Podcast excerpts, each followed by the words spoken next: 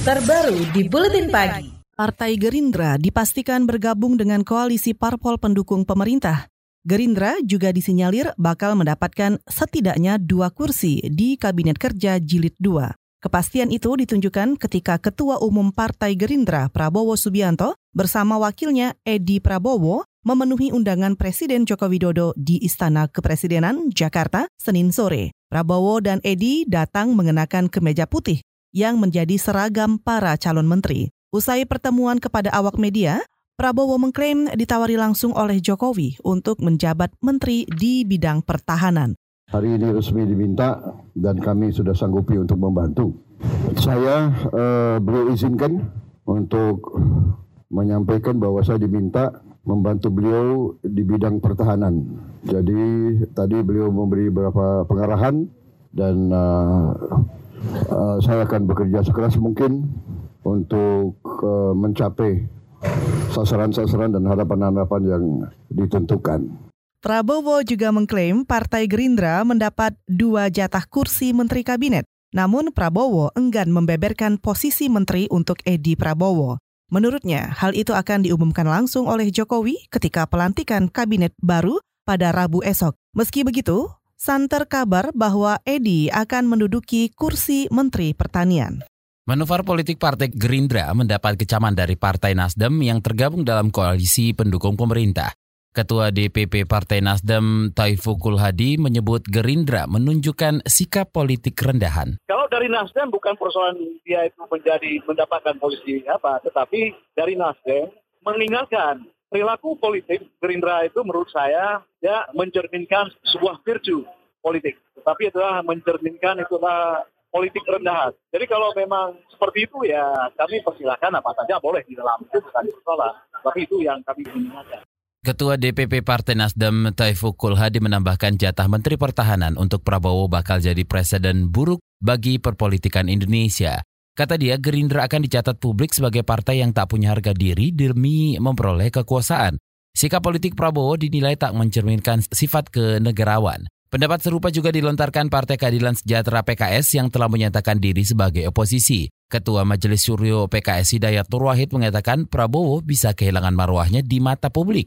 Menurutnya Prabowo seharusnya menerima konsekuensi sebagai pihak yang kalah dalam Pilpres dengan mengambil peran sebagai oposisi. Partai Kebangkitan Bangsa atau PKB tidak setuju jika Gerindra mendapatkan kursi Menteri Pertahanan di Kabinet.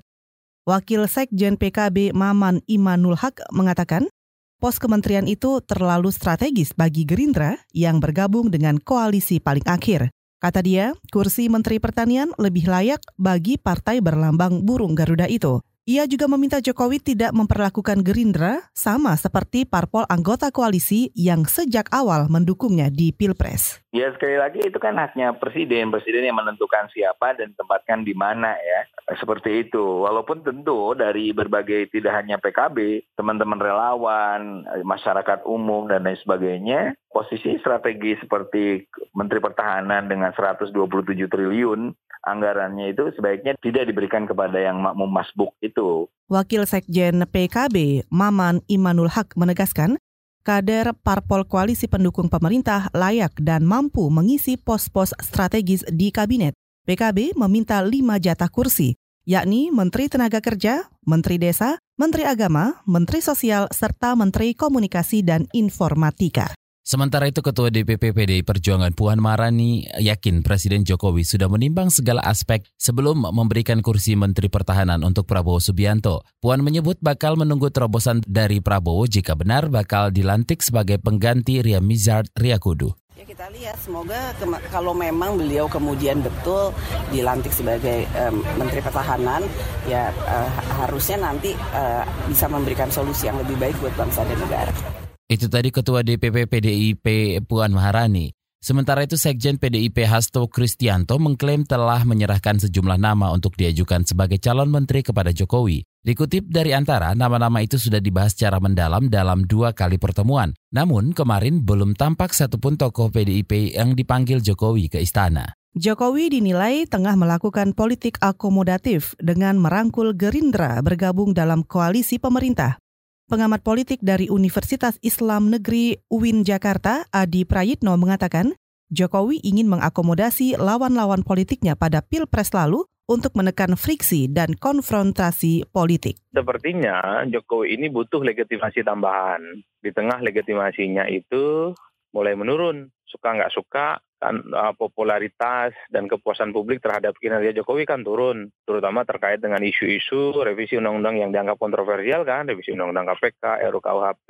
Dan di tengah menurunnya kepercayaan publik terhadap Jokowi itulah maka Sepertinya Jokowi mencoba untuk mencari tambahan dukungan terutama dari simbol oposisi yaitu Prabowo Subianto dan Gerindra. Pengamat politik Adi Prayitno juga mengingatkan manuver politik dengan menggandeng Gerindra bisa menjadi kesalahan besar bagi Jokowi. Kata dia, Gerindra dan Prabowo bisa memunculkan kekuatan oposisi di dalam pemerintahan. Adi mengibaratkannya sebagai anak macan yang mampu membangun kekuatan politik dari dalam dan suatu waktu berubah menjadi ancaman. KBR, inspiratif, terpercaya.